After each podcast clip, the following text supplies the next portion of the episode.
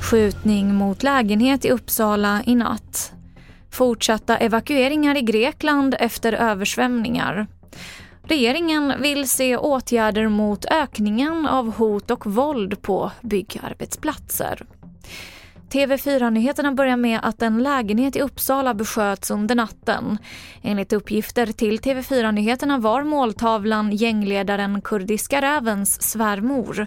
Men skotten riktades mot fel lägenhet. Polisen befarar en eskalering av gängkonflikterna i Sverige. Vi hör Pelle Wemstad som är presstalesperson hos polisen i Region Mitt. Det vi har gjort från polisens sida är att vi har spärrat av ett eh, område i anslutning till den här fastigheten. Vi har genomfört vittnesförhör och dörrknackning.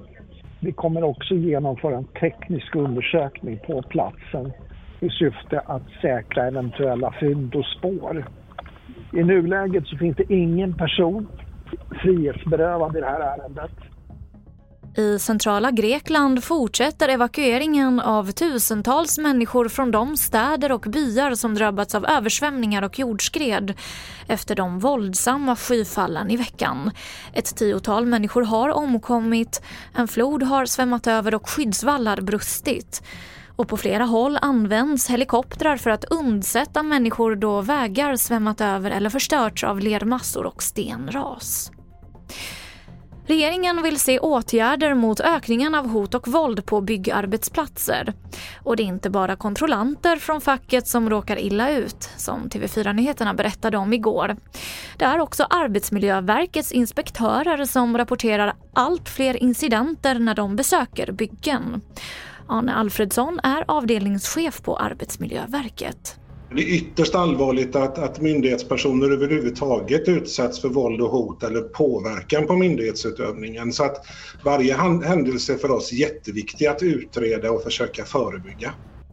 Och vi avslutar med att den 19-åriga amerikanskan Coco Gauff tog hem US Open efter att ha besegrat den blivande världsettan på rankningen Aryna Sabalenka från Belarus med 2-1 i set.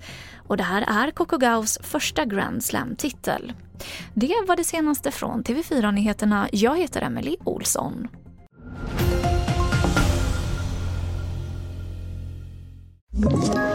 Ett poddtips från Podplay. I podden Något Kaiko garanterar östgötarna Brutti och jag, Davva, dig en stor dos skratt.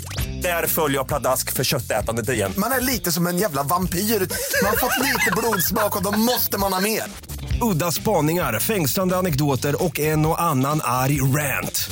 Jag måste ha mitt kaffe på morgonen för annars är jag ingen trevlig människa. Då är du ingen trevlig människa, punkt. Något kajko, hör du på podplay. Därför är gardinerna.